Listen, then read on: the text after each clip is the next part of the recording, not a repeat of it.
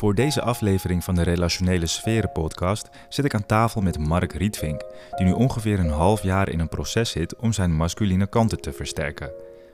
Samen met Kim heeft hij gemerkt dat dit in hun geval een essentieel onderdeel is om de relatie in stand te kunnen houden. Nu zij net op het punt staan om naar het buitenland te verhuizen, zullen er ook belangrijke keuzes gemaakt moeten worden als het gaat over de opvoeding van hun dochtertje. In dit gesprek vraag ik Mark over zijn persoonlijke visie en groei in zijn rol als vader. Vraag ik naar de vaders die hij zelf heeft gehad en in hoeverre zij invloed hebben gehad in de groei die hij nog moest maken. En bespreken we de verhouding tussen hem en zijn vrouw en welke vooruitgangen hierin zijn gekomen. Heb je het een en ander opgevangen over masculiniteit en femininiteit en wil je horen hoe een vader dit in de praktijk brengt voor persoonlijke ontwikkeling? Luister dit uurtje dan even gezellig met ons mee. De hoofdinsteek voor jou is, is vaak een bijdrage willen doen. Iemand uh, zoekt support of hulp en ik kan daar een steentje aan bijdragen.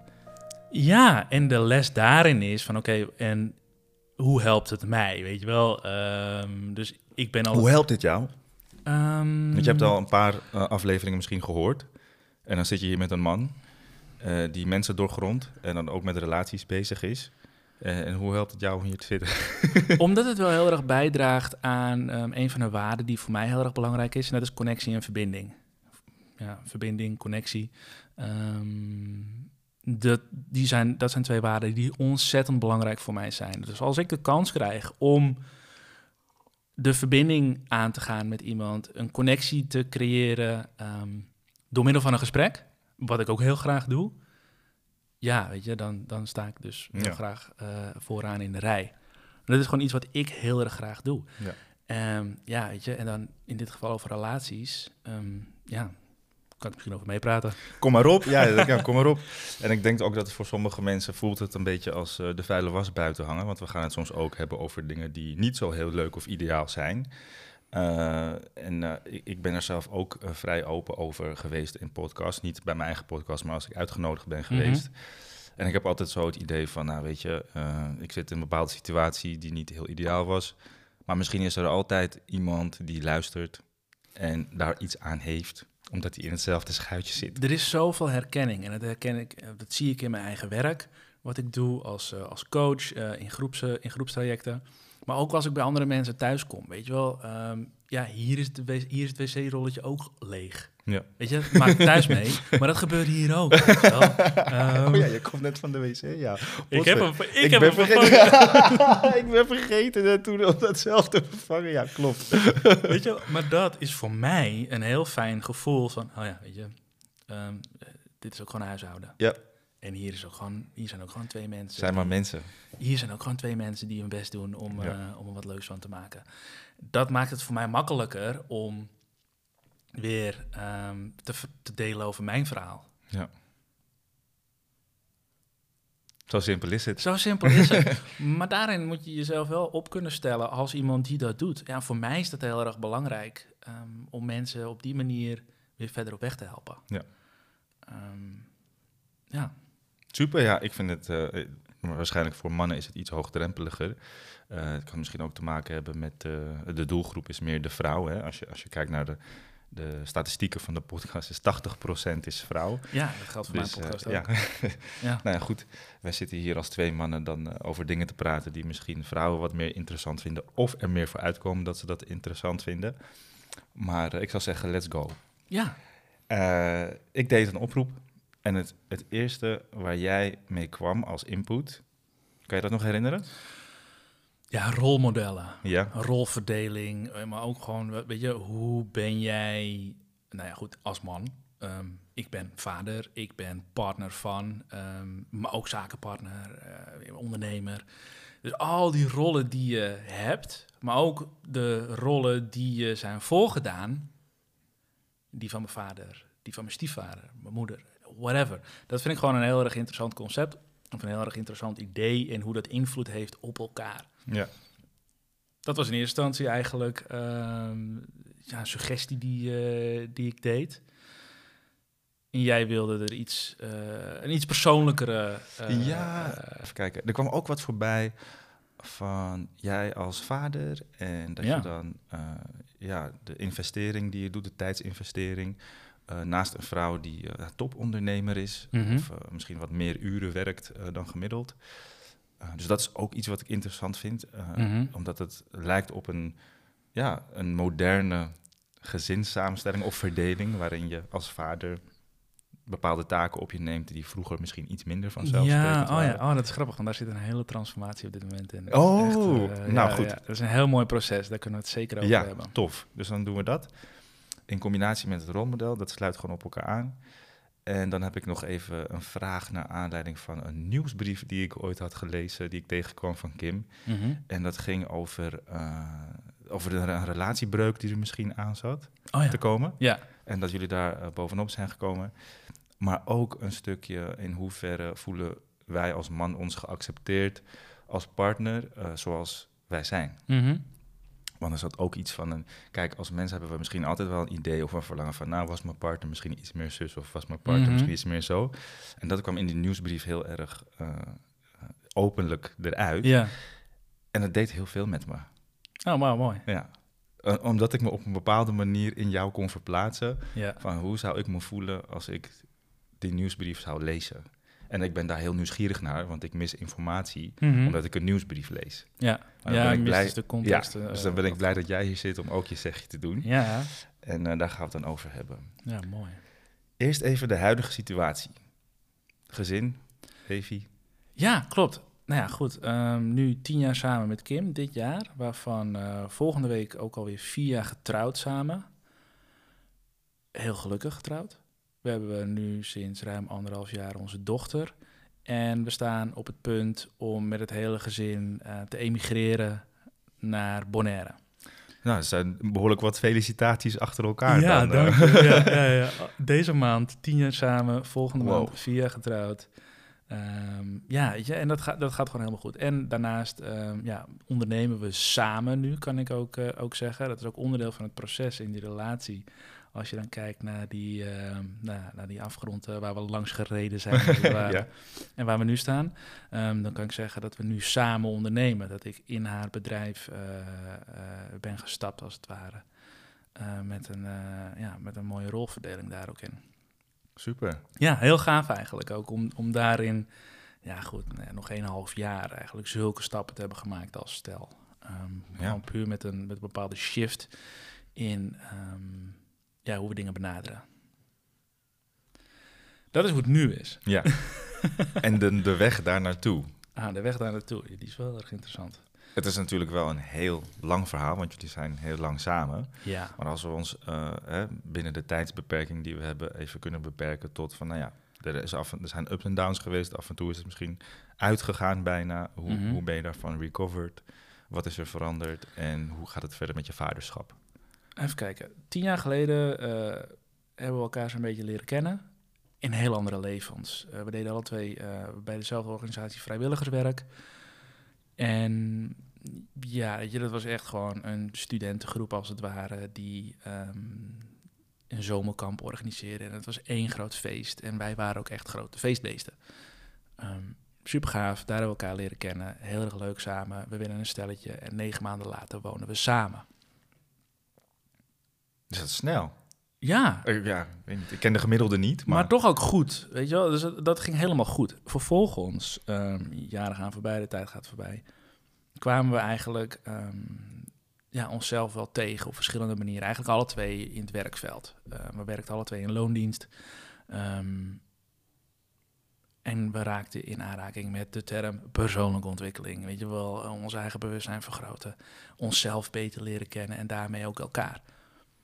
Wat ik zo tof vind, nu na tien jaar, wij zijn echt heel andere mensen. En we zijn nog steeds samen. Ik vind het heel tof dat dat op een of andere manier ehm, gewerkt heeft. Want we hebben zoveel voorbeelden gezien in dit hele proces van stellen die eigenlijk ja, gewoon volledig uit elkaar groeien. En inderdaad achterkomen van, oh wauw, weet je wel, ik ben nu met de partner getrouwd waar mijn moeder eigenlijk mee getrouwd had willen zijn. of de, de man die mijn vader goed voor me vond omdat hij de juiste baan had of whatever, weet je wel. En op een of andere manier hebben wij een modus gevonden waarin we samen zijn gaan groeien en ontwikkelen. Dat is heel erg leuk. Tegelijkertijd zijn er ook een aantal patronen in mij en in Kim, net zo goed, die ehm, niet heel goed voor ons werkten. een aantal, ja, weet je, tegenwoordig heel erg hot, hot topic. En ik merk dat ik er zelf ook wel veel mee bezig ben. En dat is een beetje, zeg maar, ehm, de, de, de feminine ja, energie en eigenschappen die daarbij horen, bij het klassiek vrouwelijke. En daartegenover ehm, ja, eigenschappen die echt bij het mannelijke horen. Ehm, we hebben het natuurlijk alle twee allemaal in ons. Maar ik was bijvoorbeeld niet heel erg doortastend. Ik was niet heel erg initiatiefrijk. Ik was niet, ja, weet je, dus echt die, die, die, ja, die klassiek mannelijke eigenschappen, die benutte ik niet. Ik zeg benutte ik niet, want ik weet dat ik ze wel heb. Mhm. En op momenten zijn die ook echt wel naar voren gekomen in het verleden. Maar in de relatie benutte ik ze niet. Kim daarentegen wel. Die besloot wat we gingen eten. Die besloot waar we dan uit eten gingen. je, dus die was heel erg... Ehm, en ik gaf haar heel erg die ruimte. Zo van, oh ja, als Kim het naar zin heeft, dan is het wel goed. Als ik erop terugkijk, waren dat ook eigenlijk momenten dat ik een bepaalde, ja, bepaald, bepaalde rol in de relatie uit handen gaf. Zij die vervulde, maar op de lange termijn eigenlijk helemaal niet gelukkig van werd. Fast forward naar december van 2021, waarin dat eigenlijk op een hoogtepunt terecht kwam. En Kim op een andere manier de situatie instapte en zei: Ik ga bij je weg. Poef. Out of the blue. Hè? Ik als man dacht: hm, Alles is toch goed? Alles is toch helemaal in kan en kruiken? Donderslag bij helder hemel. Donderslag bij helder hemel. Het grappige was, ik stond op het punt om de deur te gaan. Het was rond de deur uit te gaan. Het was rond lunchtijd. Ik moest naar een uh, sessie voor mezelf bij een coach. Kim komt bij me binnen. We zouden nog even snel wat eten. En ze zegt: Ik ga bij je weg. Je kon een speld horen vallen. Dus ik zeg: Wat bedoel je?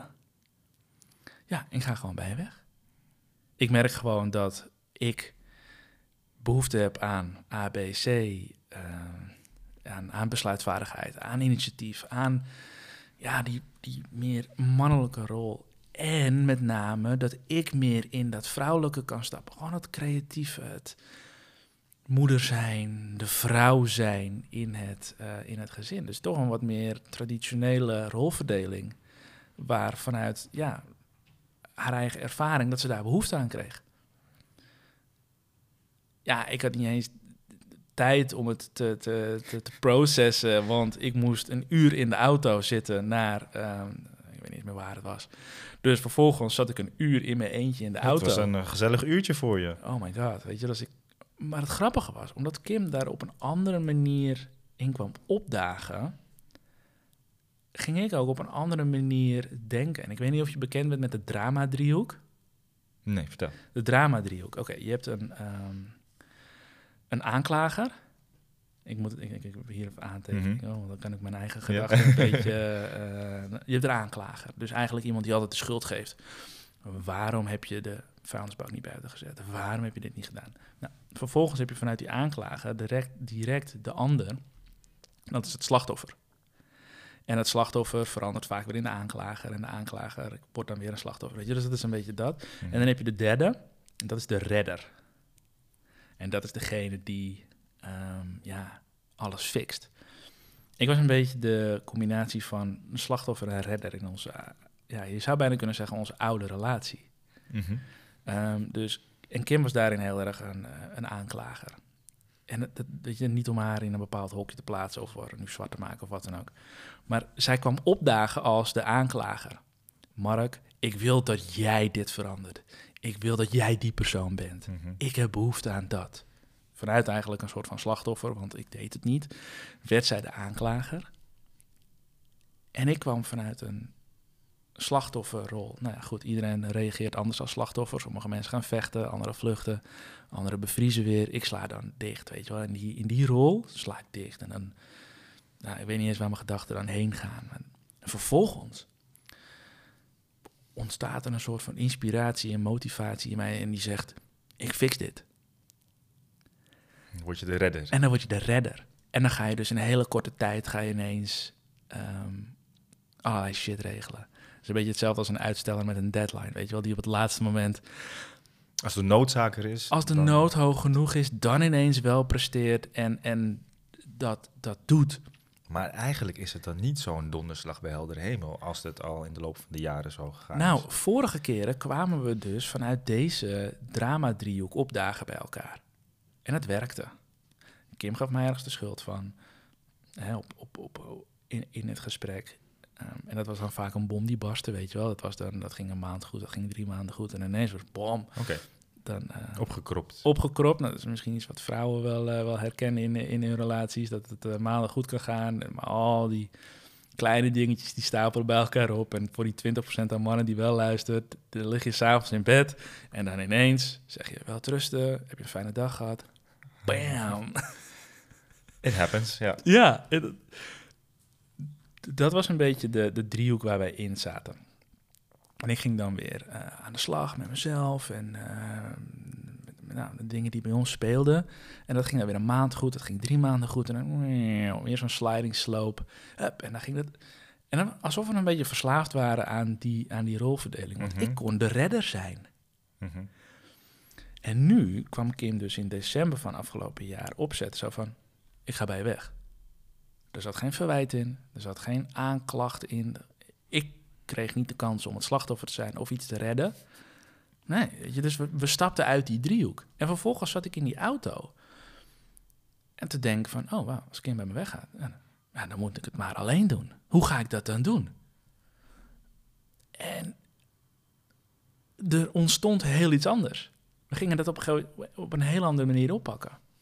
Ik ging dit doen. Ik, ja, ik, weet niet eens meer precies wat, maar ik had een heel plan voor mezelf bedacht. En ik was er echt al van overtuigd dat Kim de, week erop weg zou zijn, weet je wel. Maar doordat ik me dus anders ging gedragen, dat ik ding, dat, ja, weet je, gewoon letterlijk shit ging regelen, merkte Kim zoiets van, maar wacht eens, maar dit is waar ik naar op zoek ben.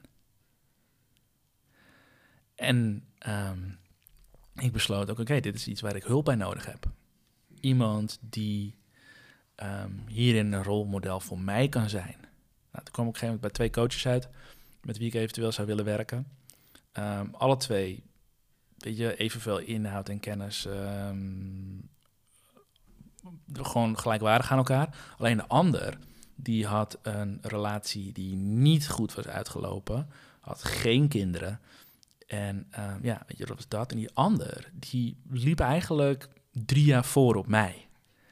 Die was in precies dezelfde situatie gekomen dat met, met zijn partner, waar zijn vrouw eigenlijk een groot deel van eh, de kar trok. En hij meer op de achtergrond bezig was. Ehm, en zij dus aangaf, hey, dit is niet meer wat ik wil. Ik wil meer in mijn vrouwelijke rol kunnen stappen. Dus dat hadden zij drie jaar voor ons doorgemaakt. Ze hadden net een zoontje van een jaar, weet je. Dus hij was gewoon daarin de, de perfect match. En samen zijn we aan de slag gegaan om, om, ja, om die karaktereigenschappen die ik wel in me heb, die ik in het verleden ook wel getoond heb, om die meer naar boven te laten komen. Mhm. Besluitvaardiger zijn, doorslaggevender, initiatief nemen. Ehm, ja, toch meer ja, klassieke dingen, meer werken.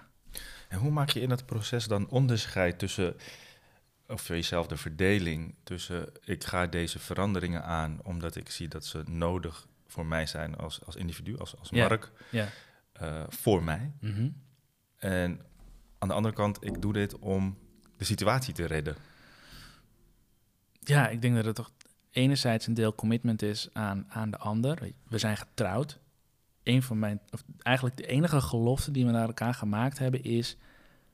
Ik beloof aan jou dat ik de beste versie van mezelf zal zijn. In voor- en tegenspoed. Ja, in voor- en tegenstand, no matter what. Maar dat is het enige wat Kim van me heeft gevraagd op onze trouwdag. Beloof me dat je altijd de beste versie van jezelf zult zijn. En ik besef me, fuck, dat ben ik niet. Dat ben ik niet in ons huwelijk, dat ben ik niet als, als ondernemer. Ik ben het niet als, als, als vriend, als mens. Ik ben op dit moment niet gewoon, gewoon niet de beste versie van mezelf. En ik weet ook dat die relatie waar ik in zit, is puur een spiegel van dat wat er in mij speelt. Weet je, Ja. dat, is- een relatie aan zich is gewoon een onwijs grote spiegel. Dat wat de ander aan jou geeft, de feedback die je krijgt van de ander, ja, dat is gewoon letterlijk iets waar je mee te dealen hebt. En ik weet ook uit andere ervaringen, als je het niet in deze situatie fixt, dan komt het wel op een ander moment in je leven weer op je pad. Dus ik had deze relatie ook kunnen laten klappen.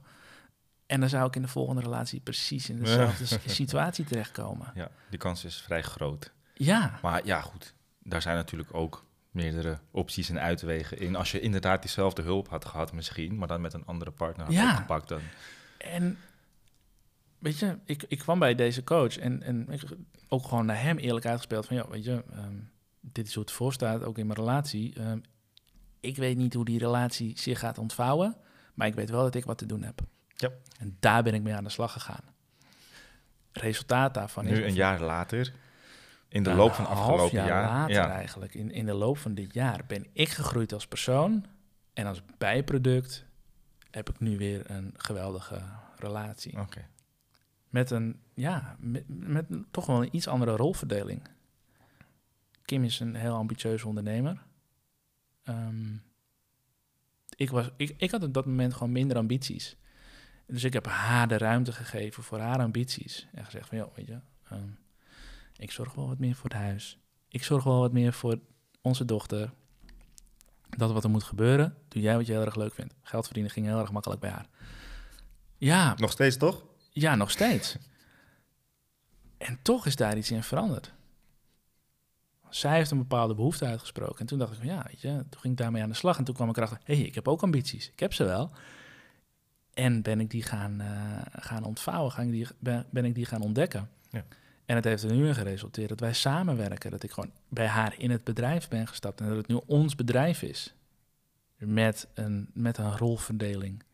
Ja, dat is gewoon super gaaf. Weet je, in mijn beleving, nu op dit moment, is dat gewoon eigenlijk de, ja, de, de- ja, het ultiem. Mhm. Gewoon echt samen. Waarbij je ook nog eh, de werkzaamheden kan doen. Want je was bezig met ademwerk en hypnose heb je een tijdje Ja, gedaan. ik, ik, ik ben, ik ben eh, opgeleid als ademcoach en, en hypnotherapeut.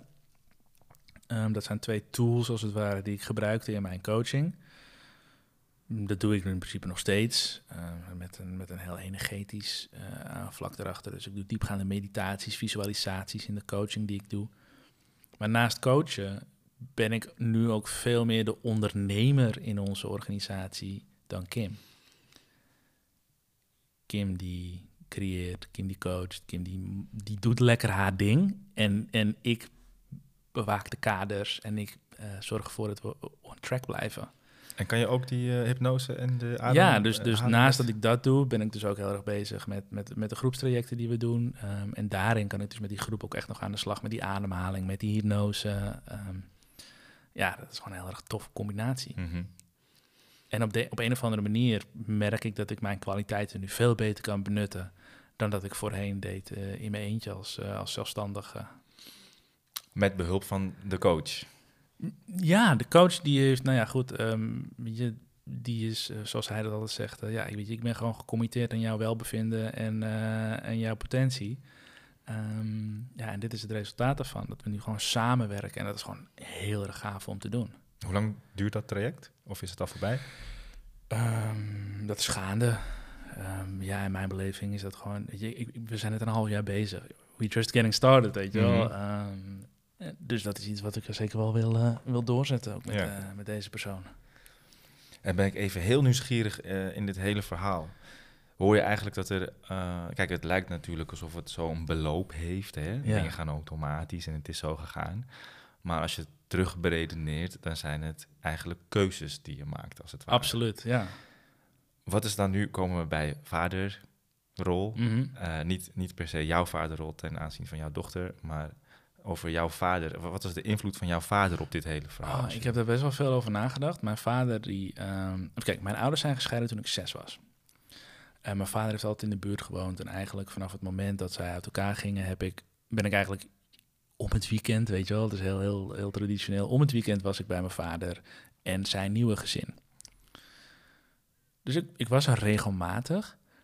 Maar als ik dan terugkijk naar hoe mijn vader naar mij was, dan heeft mijn vader altijd best wel een passieve rol gehad. In mijn opvoeding, in mijn schooltijd, ehm, ja, in, in, in ook in het latere leven. Vervolgens overleed hij dat ik 21 was. Ernstig ziek geweest, redelijk kort. Overleed hij. Ehm, maar als ik er dan nu op terugkijk, dan heb ik het idee dat mijn vader best wel passief was in, in onze relatie. Mm, ook in het contact zelfs. Tegelijkertijd heb ik ook een stiefvader, eigenlijk vanaf mijn zevende tot nu. Die leeft wel nog. Ehm, en dat was best wel een, uh, een autoritair persoon.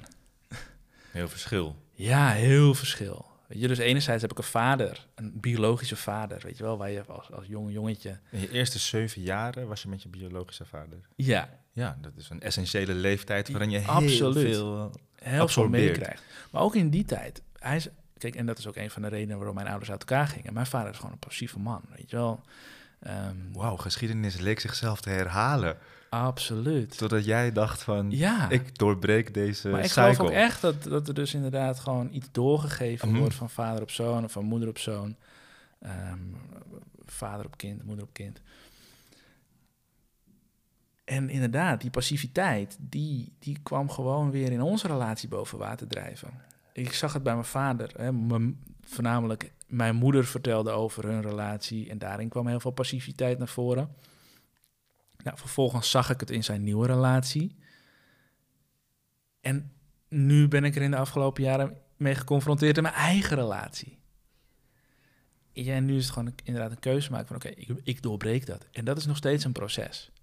En dat je nog dan het geluk hebt dat een partner zegt, oké, ik geef je, ik heb het geduld om nog te kijken hoe Zij je is dit ook gaat- committed. Ja. Je, ze zegt ook, je bent gewoon een geweldige vent. Je bent gewoon echt heel erg leuk om bij te zijn. En we hebben elkaar trouw beloofd. Ja, weet je, ik ga niet omdat het nu even minder gaat, de stekker eruit trekken. Mhm. Dus ja, dat is heel noemenswaardig richting Kim inderdaad. Weet je, dat ze gewoon, gewoon de commitment heeft getoond. We're going to see this through. En ja, dat is nog steeds een proces. Weet je ook, ik heb er wel een switch in gemaakt, een andere keuze, zoals je zegt. Maar het is wel nog steeds een, een, een proces. Het is niet als een stoplicht dat op groen of op Ja. rood springt, weet je wel. Het is echt wel een, eh, Ja. een curve, als het ware.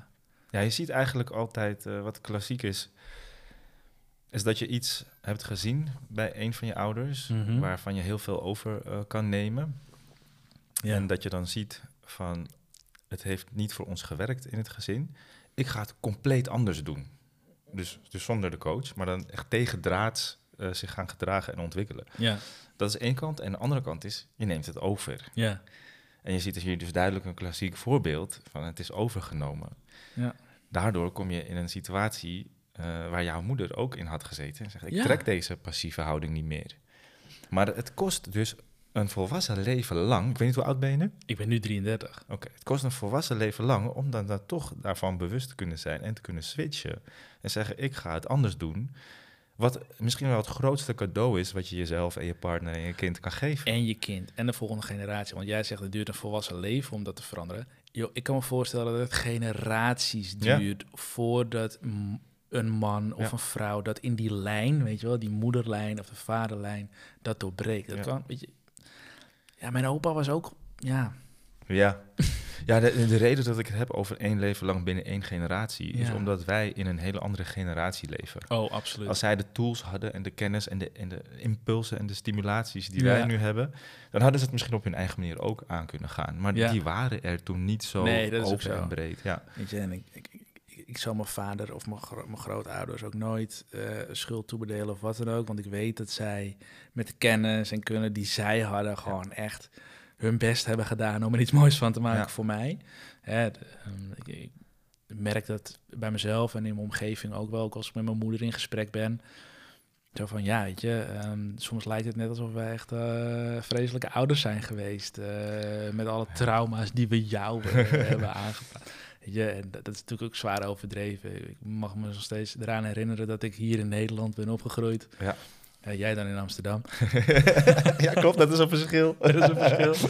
Weet je, maar dat we liefdevolle ouders hebben gehad die ehm, eh, met alles wat ze, wat ze, wat ze wisten en, en, en tot hun beschikking hadden, en er iets moois van hebben geprobeerd te maken. Ik heb altijd een dak boven mijn hoofd gehad. Ik heb altijd eten gehad. Alles was er altijd. Ik heb niks gemist. achteraf kom je erachter van, oh wacht, weet je, wel, dat zijn wel bepaalde dingen die, die anders hadden gekund.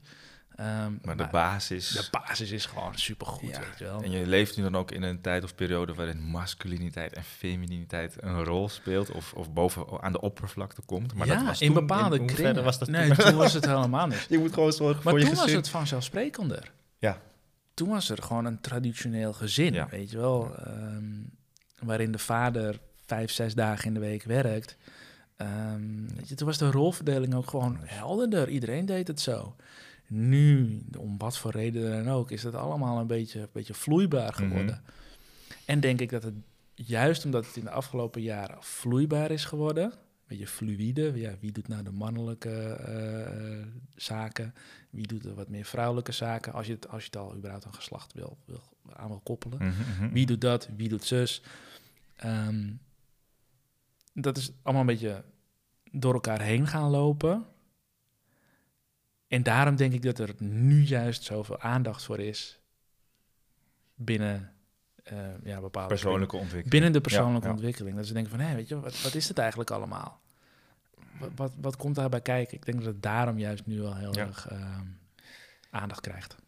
En nu je dit zo vertelt, moet ik ook even denken aan jouw stiefvader. Want jij zei nadrukkelijk eh, dominant. Wat voor rol heeft dat contrast gespeeld?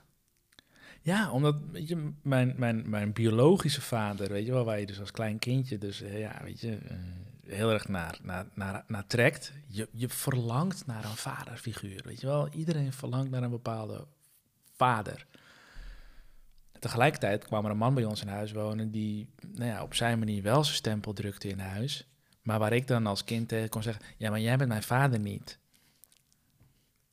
En ik weet niet eens of ik dat letterlijk tegen hem gezegd heb. Ja. Maar op onderbewust niveau, op de achtergrond, is er wel altijd zo'n stemmetje... ja, maar jij bent niet mijn echte vader. Dus het kan wel lijken alsof iemand dan dominant is of autoriteit heeft, maar het effect was er niet omdat het niet je biologische vader was. Ja, precies. En, je, en nu als volwassen man kijk ik erop terug en dan denk ik bij mezelf... wow, weet je wel, hij heeft misschien wel beter zijn best gedaan om een vader voor me te zijn dan, dan mijn eigen vader. Omdat hij meer tijd met me had, weet je wel. Omdat hij gewoon letterlijk bij me in hetzelfde huis woonde. Ehm, dat maakte het misschien wat makkelijker voor hem. Maar ja, als ik erop terugkijk, dan heeft hij wel misschien meer invloed geprobeerd uit te oefenen ehm, dan, dan mijn eigen vader. Mhm. Ja, weet je, als ik daar op terugdenk, iedere keer, en raakte me dat dan ook wel weer, weet je wel. Dat een vreemde man bij je in huis komt en, en, en, en een vader voor je probeert te zijn. Zich over jou ontfermt. Ja, Misschien heb je toen al wel een wat eh, duidelijkere basis gekregen van Ja, wat dat- masculiniteit dan kan hij zijn. was met zichzelf ook in, in, in twee strijd. Want enerzijds heeft hij een hele traditionele, harde opvoeding gehad. En tegelijkertijd, ja, ook best wel heel veel luiheid getoond. Luiheid die ik ook weer in mezelf terugzie. Ja, dus dit, hij heeft toch ook wel weer zijn eigen invloed Mhm. gehad eh, op mij. En nou zou eh, de relationele sferen podcast niet eh, de relationele sferen podcast zijn als ik eventjes een stukje eigen verantwoordelijkheid pak. En dan wil ik het niet hebben over jouw eigen verantwoordelijkheid, maar dan wil ik het hebben over Kim's verantwoordelijkheid. Omdat jij misschien al jarenlang een bepaald karakter hebt kunnen manifesteren, Ja. waarvoor jij de ruimte kreeg. Ja. Althans, ik weet niet hoe het in het wekelijks of dagelijks leven dat jij geconfronteerd werd met, misschien kan je wat mannelijker worden, Mhm. maar had zij ook dingen te, te ontwikkelen om dan zachter of vrouwelijker of ontvangender te worden? Ja, Kim komt uit een gezin zonder vader. Haar vader overleed toen ze zes was. Dus haar moeder moest beide rollen vervullen. Haar moeder fixt altijd alles zelf. Dat is waar Kim mee opgegroeid is. Dus wij pasten daarin perfect bij elkaar. Jullie hebben elkaar gevonden. Ja, zij fixt altijd alles, want dat is iets wat zij geleerd heeft. In haar werk, in het huis, eh, weet je wel, al, nou, al moest er iets geregeld worden, Kim doet het wel, want dat is wat zij geleerd heeft. Dus ik had, ja, perfect de ruimte om mijn passievere zelf te kunnen zijn. Totdat Kim op een gegeven moment, wij samen ook wel, weet je wel, dat is ook iets waar je samen in ontwikkelt, maar vooral Kim daarin de lead nam en zei van, nee, maar dit is helemaal niet waar ik behoefte aan heb. ik wil geen passieve man, zodat ik altijd alles maar zelf kan fixen. Ja. Ik wil juist de zachtere Ont- vrouw zijn. Ontvangende, ja. Ontvangende vrouw zijn. Iets wat van nature dus, dus in haar zit. Ja. En dan moest er wat laagjes voor afgepeld worden. Maar van nature is zij een wat zachtere, ontvangende, voelende vrouw. Ja. Dus dat is het proces waar we in terecht kwamen. En ik werd daarin uitgenodigd om die passievere kant van me af te schudden.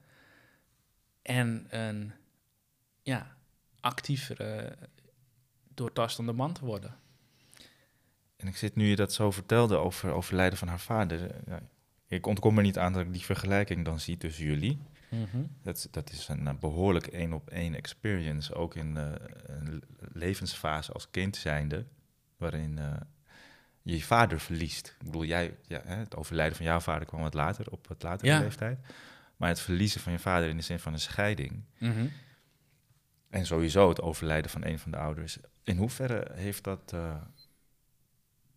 bijgedragen aan de band die je, die je ontwikkelt als je elkaar leert kennen? Ja, daarin hebben we elkaar wel kunnen vinden. Weet je. Ehm, ik heb mijn vader langer gekend. Ik heb meer van mijn vader gezien. Tegelijkertijd, ja, na zijn overlijden, ehm, heb ik nog zoveel vragen aan hem niet kunnen stellen. Waar ik wel heel lang mee rondgelopen heb. Ehm, eigenlijk vanaf het moment dat hij overleed. Kim heeft als klein kind dat natuurlijk niet zozeer gehad. Ehm, maar nu misschien wel, weet je wel. Eh, daarin hebben we elkaar wel altijd wel heel erg kunnen vinden. En eh, dat zijn ook altijd wel thema's die bij ons eh, terugkomen. Nou, dat, is de, dat is van onschatbare waarde. Dat je eh, vanuit die kwetsbaarheid, Ja, dat zijn niet zomaar dingen. Nee, wat maar had dat je is- nog moeten doornemen met je pa? Hè? Om, om nu wat rustigere mind te hebben. oh wauw, eh, ja. Ehm, en tegelijkertijd heb ik die vraag ook wel gewoon geparkeerd. Want ik weet dat ik ze nu op dit moment niet beantwoord ga krijgen. Ehm, dus Ook ja. niet van je moeder. Nou ja, ik, ik heb wel met mijn moeder veel gesprekken gehad over mijn vader. Ook na zijn overlijden. Juist omdat je dan opeens dat allemaal wilt weten of zo. Maar ik besefte me ook dat mijn moeder ook biased is. Weet je wel, die is ook bevooroordeeld. Omdat zij een bepaald beeld heeft van mijn vader. Niet per se positief, aangezien ze van elkaar gescheiden zijn. Niet dat ze kwaad over hem sprak. Maar ja, er waren wel bepaalde eigenschappen die bij haar heel erg eh, aan de bovenkant dreven, waardoor zij een bepaald beeld schetst. Zij heeft ook een bepaalde positie in die driehoek ingenomen natuurlijk. Ja.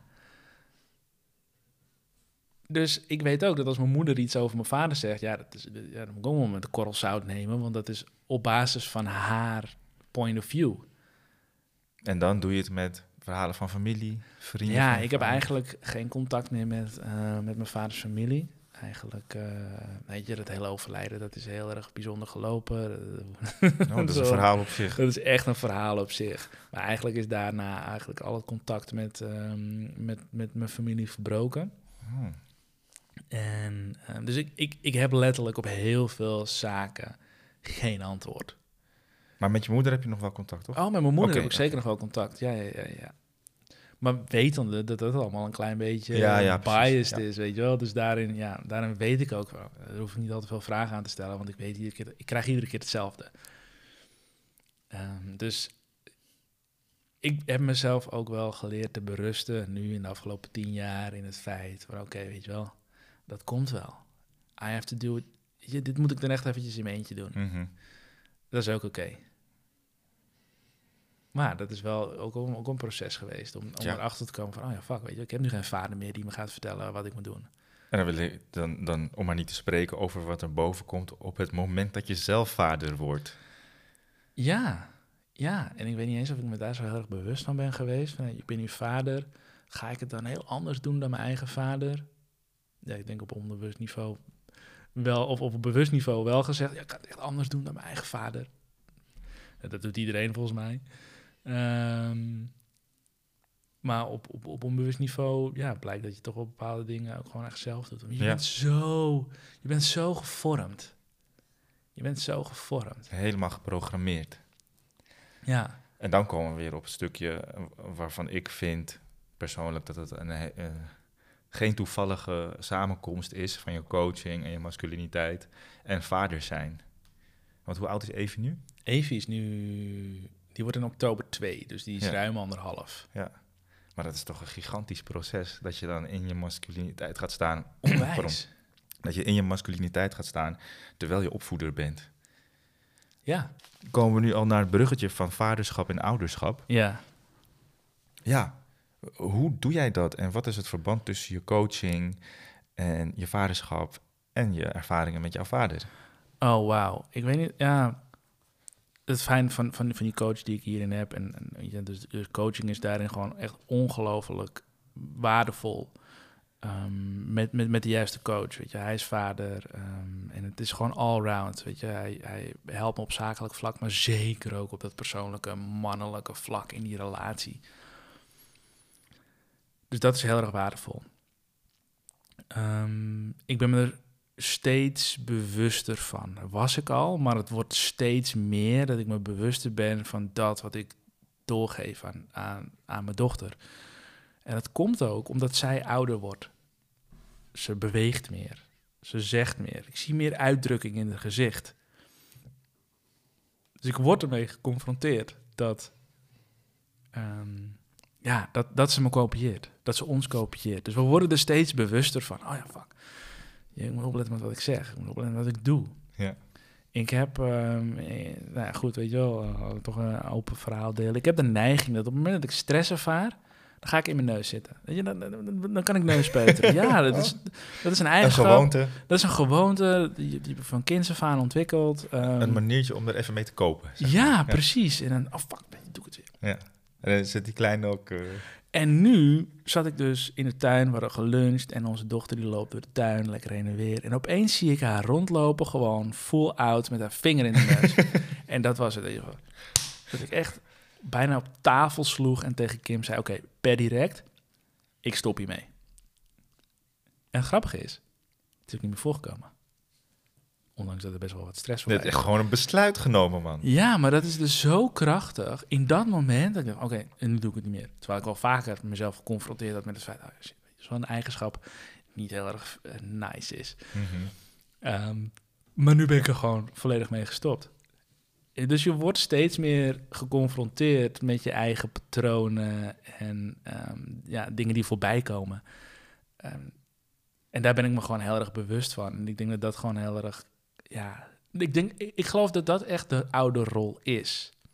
Die van de moeder en die van de vader. Gewoon als ouder, ehm, kan ook in het geval van twee moeders zijn. Weet je, je hebt gewoon bepaalde patronen die je hebt overgenomen van... ehm, Nee, maar ik vind het wel... Ik onderbreek heel even. Ik vind het Ja. fijn dat je het even benadrukt. Ja. Want ik probeer ook altijd dat soort dingetjes te doorbreken. Ja, omdat ik maar dan ik- hoor hij en zij dit. maar en dat ik, maar komt sorry. omdat ik zo uit mijn eigen ervaring spreek. Ja. En, en enerzijds vind ik dat ook heel erg krachtig, dat ik uit mijn ervaring spreek.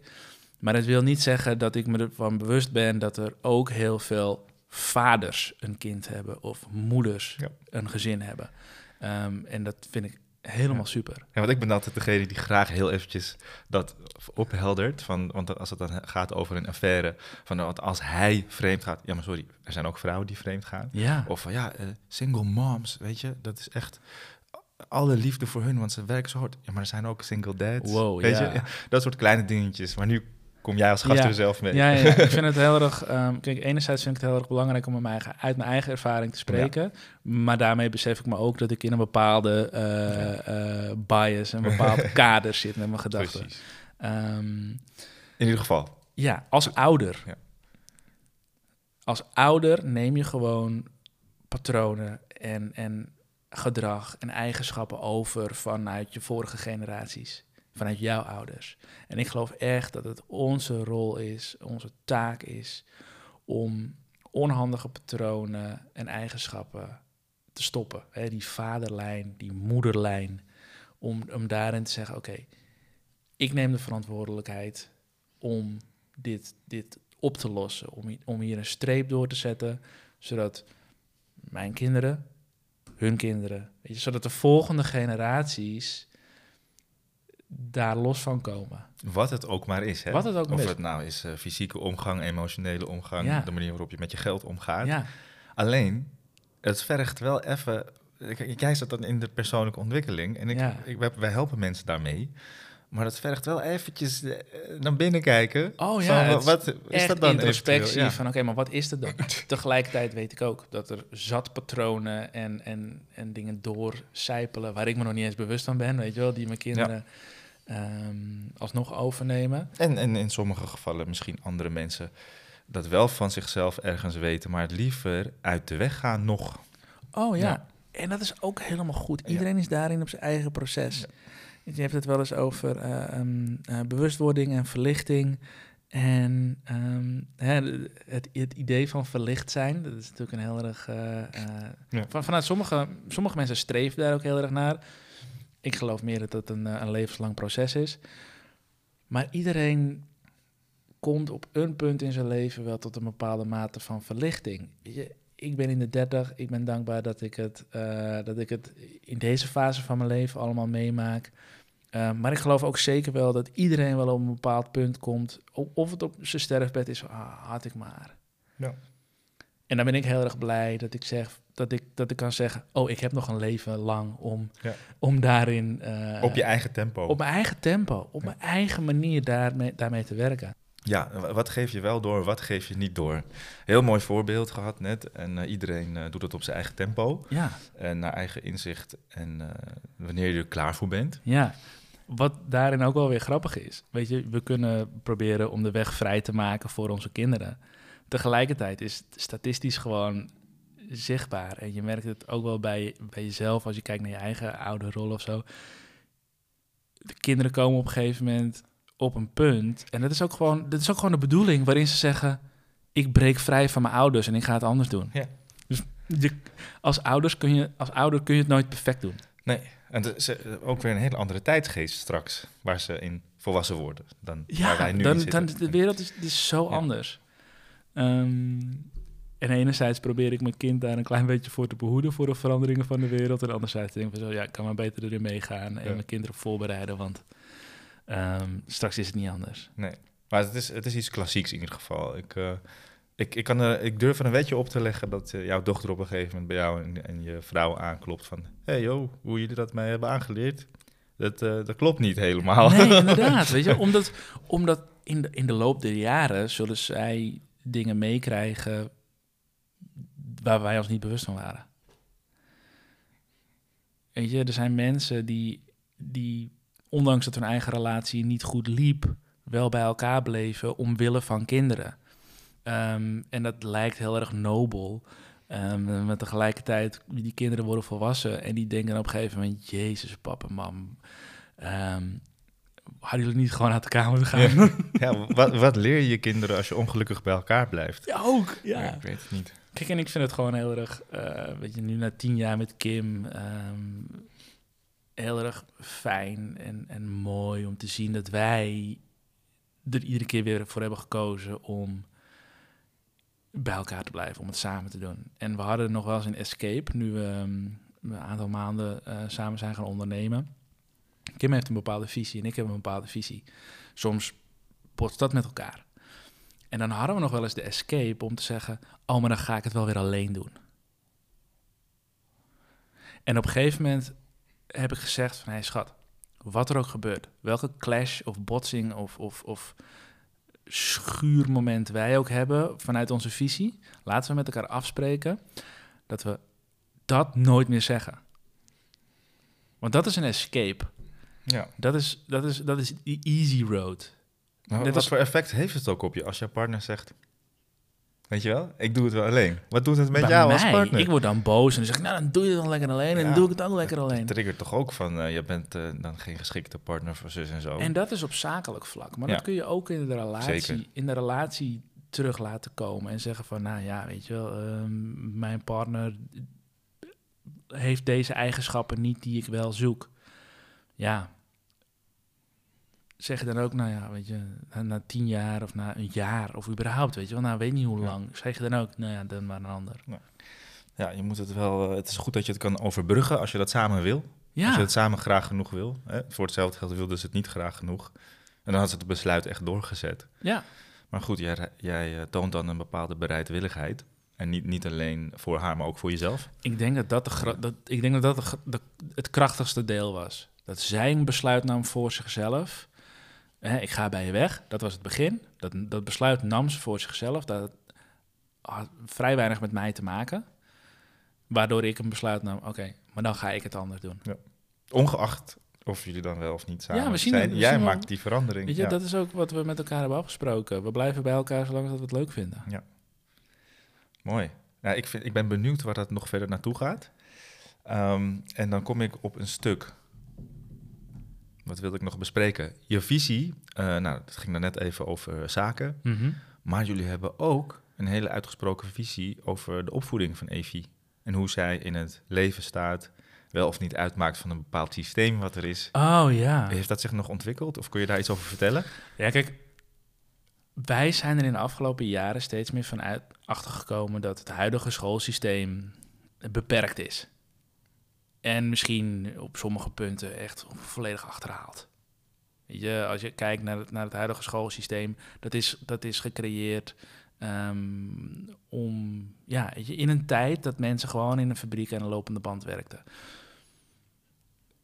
Je steekt je vinger pas op in de klas wanneer je zeker weet dat je het antwoord goed hebt. En dat wordt beloond. Ehm, en dat, natuurlijk, ik besef me ook, ik, ik zit al een tijdje niet meer op school en daar zit ook progressie in. En dat is heel erg fijn, maar de basis van het schoolsysteem is gewoon nog echt heel klassiek en traditioneel. Waar steeds meer druk op komt te liggen trouwens ook, weet je wel. Klassen worden steeds groter. Ehm, dus wij vragen ons af van, hey, is onze dochter naar school sturen, naar de basisschool sturen en gewoon het schoolsysteem ingaan, is dat het beste voor haar in de tijd waarin we nu leven? Tegelijkertijd weten we ook, ja, ze is anderhalf, eh, dus we kunnen die keuze nog heel eventjes uitstellen. Ehm, we gaan aan de andere kant van de wereld wonen, we weten niet precies hoe het daar geregeld is. Maar we beseffen ons ook dat sociale contacten met, voor kinderen onwijs goed is voor hun ontwikkeling. Dus daarin zitten we ook zo van, ja, we, we snappen dat het huidige schoolsysteem niet optimaal is voor dat wat we ons kind mee willen geven. Maar ja, om er nou te isoleren en, en alleen maar thuisonderwijs te geven, dat is ook niet optimaal.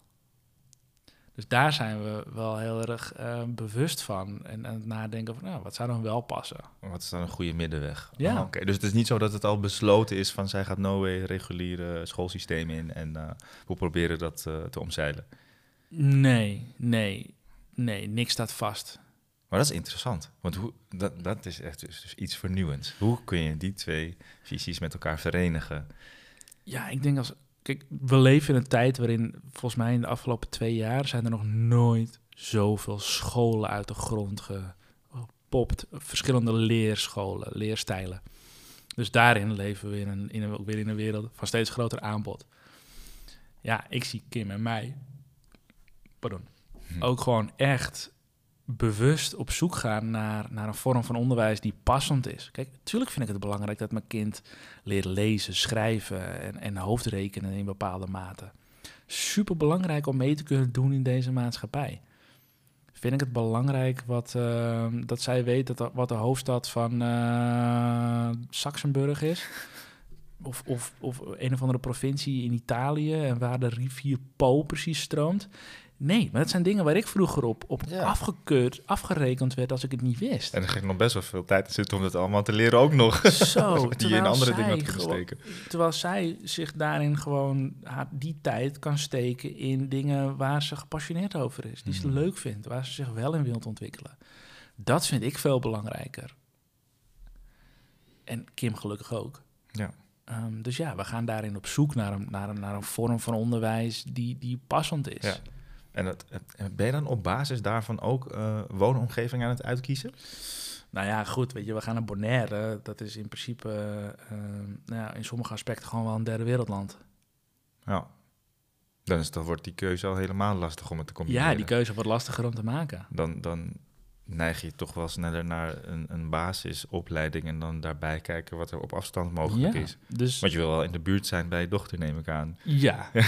ja, vooral in die leeftijd dat ze de, de basisschoolleeftijd, ja, dan wil je wel je kind Ja, op zien ja. groeien. Dus ja, daar, mede daarom is die keuze ook wat, wat minder dogmatisch geworden. Weet je wel. In Nederland hadden we kunnen zeggen, nou, we gaan daar naar een hele speciale school sturen waar ze gewoon lekker buiten speelt de hele dag en Mhm. gewoon dingen leert die waar wij van weten, hey, dit doet ertoe. Hoe ga je met je emoties om? Hoe ga je met andere mensen om? Ehm, dat soort dingen. Dat vinden wij veel belangrijker dan ja, aardrijkskunde en sedimenten en grondsoorten in Ja. het puntje van Zuid-Limburg. Maar ja, op Bonaire is het anders. Daar is gewoon regulier onderwijs. Of niet. Ehm, dus daar moeten we kijken van oké, we stoppen haar op het reguliere onderwijs. En buiten schooltijd om proberen we mm, vooral heel veel tijd te stoppen in ja, daar waar ze wel behoefte aan heeft, nodig heeft of eh, waar haar passies liggen. Wat ook nog maar te bezien valt wat die precies zullen zijn. Ja, geen idee. Misschien vindt, ze, mis- ja, misschien vindt ze hamburgers bakken wel heel Ja. erg leuk. Weet je, wil ze heel graag gaan koken. Wil ze Ja. weten hoe een duikboot in elkaar steekt. Ik heb geen idee. Maar ik wil wel de ouder zijn die dat kan faciliteren. En dan even naast de schoolsystemen en educatie. Vanuit eh, de recente masculine ontwikkelingen die jij doorgemaakt hebt. Ja. Wat wil jij als, als vader eh, overdragen of, of eh, laten zien aan Evie van hoe de, hoe de wereld in dat opzicht werkt? We, we hebben een stukje, kijk je eigen trauma's aan. wat, wat neem je generationeel wel of niet mee? Wees je daar bewust Mhm. van? Super, super belangrijk en goede basis. Maar als het dan even een stukje is van Mark en zijn masculiniteit. eh, wat wil je dat zij ziet van jou als man? Ik wil dat ze een vader ziet die committed was aan, aan het behalen van, van, van zijn doelen. Dat, dat, dat commitment ehm, doorzetten en, en iets echt willen, dat dat loont. En dat je daardoor voor inzetten, dat dat uiteindelijk loont. Tegelijkertijd wil ik haar ook gewoon heel veel plezier meegeven. Dus ik wil niet alleen maar dat doorzettingsvermogen en, en, en, en, en, en dat hele harde. Niet drillen. zien. Nee, absoluut niet. Tegelijkertijd wil ik er wel laten weten dat dat gewoon eigenschappen zijn, eh, waarden die, die je ergens brengen. En ik wil er ook de lichtheid van het leven meegeven. Want in mij zit meer dan alleen maar een masculine man. Weet je, ik ben, ik ben het product van, van, van, van mijn vader en mijn moeder. Het is 50-50. Ja. Dus die... En van je vriendin en je vrouw en van de maatschappij en van Ja, de wereld. precies. Ja. Maar er zit ook een hele grote, zachte kant in mij. Ehm, ik ben het nu persoonlijk meer aan het uitbalanceren. Neem niet weg dat ik nog steeds ook heel veel feminine eigenschappen eh, heb. ehm, die, die gewoon ontwikkeld zijn of nog verder ontwikkeld mogen worden. En ik wil mijn kind, kinderen hè, voor de toekomst. Ik weet niet wanneer deze podcast beluisterd wordt. dus ook mijn kinderen wil ik meegeven dat het normaal is om in contact te staan met hoe je je voelt. En hoe je emoties je kunnen leiden naar ja, meer plezier ervaren, je gelukkig voelen. En zoals ik eh, ehm, de dynamiek tussen jou en Kim hoor en wat jullie belangrijk vinden, staan jullie daar redelijk hetzelfde in. Ja. Eh, Ja, dat scheelt absoluut. een hoop, denk ik. Ja, oh, absoluut. En ik denk dat het ook heel erg belangrijk is om, om een relatie te creëren met een partner waarin, waarin je elkaar daarin treft. Eens in de zoveel tijd ook even checken van, staan de neuzen nog dezelfde kant oh, op? Continu, continu doen we dat. Eigenlijk hebben we daar iedere week een moment voor. Ja, we, we- zondag is voor ons onze, onze inplandag. Dus op zondagavond ga ik zitten met mijn agenda en ga ik bepalen hoe mijn week eruit ziet. Eh, Kim, doet dat, Kim doet dat voor zichzelf. En daarna komen we samen en hey, hoe willen we dat onze week eruit ziet? Ehm, gaan we dat gewoon na. En zo zorgen we dat iedere week ehm, ja, we bezig zijn met hetzelfde. Mhm. Als team, Ja. als gezin. Helder.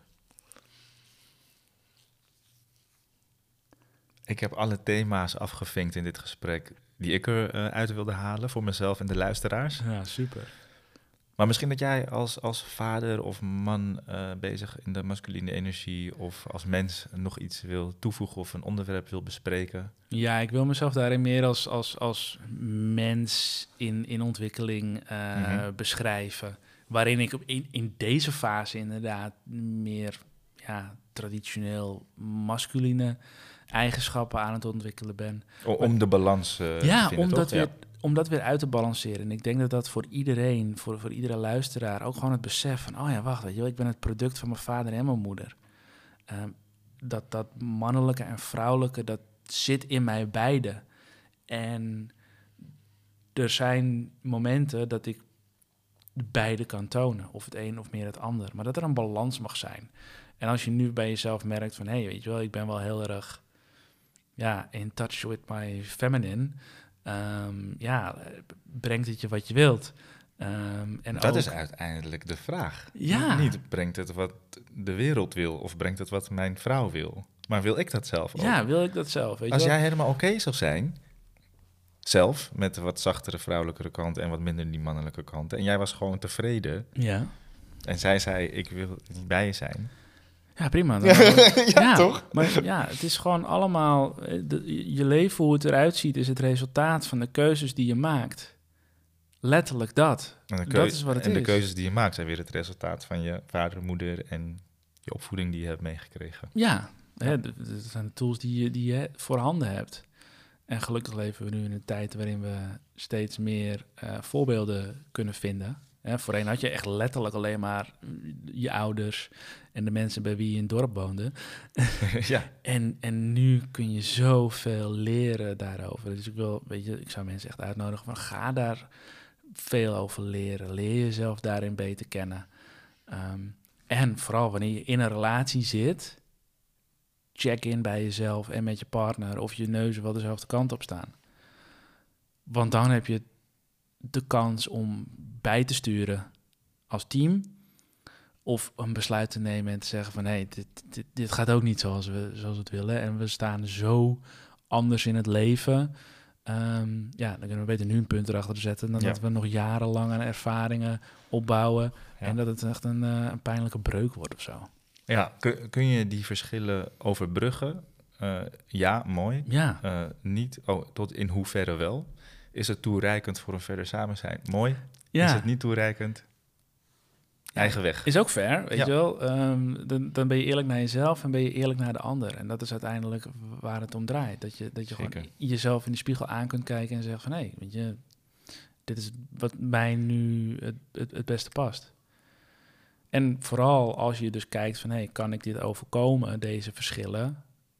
Altijd met een open mind erin staan, weet je wel. Is dit iets wat ik echt geloof? Of heb ik dit meegekregen van, van mijn ouders, weet je wel, van mijn omgeving, omdat het normaal is? En op basis daarvan dan wel of niet een keuze maken. Exact. Het, is, het komt altijd weer terug en het, uh, het komt altijd weer terug bij jezelf en je liefde voor jezelf en de behoeftes die je hebt. Juist. En dan in het samen zijn uh, iets wil bereiken. En het klinkt super cliché. En het komt bijna in elke aflevering weer, weer terug. Maar ik denk dat, dit, uh, dat je hiermee een, een basis hebt aan kunnen tikken. Ja. Die gewoon universeel en, en essentieel zijn. Oh, absoluut. Ik wil je heel erg bedanken. Ja, jij bedankt voor dit, voor dit podium. We gaan nog niet helemaal afsluiten, okay, want nou. we hebben een afspraak dat jij uh, misschien voor je eigen werk als uh, hypnotiseur of ademwerkman, oh. of voor je bedrijf die je met Kim aan het runnen bent, mm -hmm. een praatje mag doen en mensen mag uitnodigen. ik zou zeggen, ga je gang. Nou, ik denk dat het gewoon nu, weet je, in deze podcast, relationele sferen, gewoon heel mooi mijn visie heb kunnen delen over um, ja, hoe ik in het leven sta, hoe ik dat wil uitdragen in mijn relatie en, en met, in de opvoeding met onze dochter. En deze visie draag ik ook door in de coaching die we doen, waarin we um, voor nu vrouwen, vrouwelijke ondernemers begeleiden in het neerzetten van een succesvol bedrijf onder hun eigen voorwaarden zodat zij tijd en vooral kwaliteit kunnen ervaren met hun gezin. En dat leven kunnen inrichten op een manier zoals zij dat willen, zoals wij, zoals Kim en ik dat ook doen. Zodat we echt ons, ons vrije leven creëren met een succesvolle business. En daarin dragen we bewezen tools en strategieën aan die gewoon werken uh, voor het neerzetten van een bedrijf. En tegelijkertijd wel vanuit een energetisch startpunt waarin je eigenlijk altijd in check bent met wie jij werkelijk bent. En ik denk dat dat ehm, het fundament is voor moderne ondernemen. Wanneer je vrij wilt leven van je bedrijf, dat je in check bent met jezelf in plaats van dat jij alsnog weer ehm, ja, in loondienst van een eigen bedrijf bent. Ehm, dus ja, voel je dat? Voel je dat je een vrij leven wilt creëren met jouw eigen bedrijf, zodat je kunt leven onder je eigen voorwaarden en daarin de tijd en ruimte hebt om een rolmodel te zijn voor je partner, voor je kinderen, voor jouw omgeving, ja, wellicht dat, uh, dat dat resoneert. En dan zou ik mensen zeker uit willen nodigen om, uh, om eens in gesprek te gaan. Om te kijken op wat voor manier Kim en ik je daarin kunnen begeleiden. Super relevant en ook een van de redenen waarom ik je graag uitnodig. Ehm, en dan eventjes concreet, hoe en waar kunnen ze jou en Kim vinden? Daarvoor? Voor nu is het dan gewoon heel erg uh, top. Um, als je deze podcast uh, in 2022 luistert, dan is het uh, heel erg handig om eventjes naar kimrietvink.nl te gaan. En dan, um, dan, vind je alle mogelijkheden waarin je met ons samen kunt werken. luister je deze later, nou, dan weet ik zeker dat je ons op een of andere manier ook wel gaat vinden. Via Instagram kun je mij vinden op mark.rietvink. Uh, waarin ik gewoon uh, nagenoeg dagelijks wel uh, dingen deel uit het leven, uit het bedrijfsleven. Um, dus op die manier, ik denk dat dat de mooiste manier is. Yes. Hey, bedankt hé. Box. Jij bedankt. Ik vond het een super mooie bijdrage van Mark. een stukje generationele thema's voorbij gekomen. masculiniteit, femininiteit, opvoeding en samenwerken met je partner en uh, verschillen overbruggen. Volgens mij kan het uh, geen completere aflevering zijn. Uh, ik hoor jullie graag weer de volgende keer bij de Relationele Sferen podcast. Ik geef Mark ook een opname voor eventueel in zijn eigen podcast als hij dat prettig vindt. Dus misschien hoor je het te zijn tijd wel op zijn podcast. En ongeacht of je nou naar Mark of naar mij luistert, graag tot de volgende keer. En je weet het, ik wens je alle liefde en dat begint voornamelijk in jezelf. Tot de volgende keer.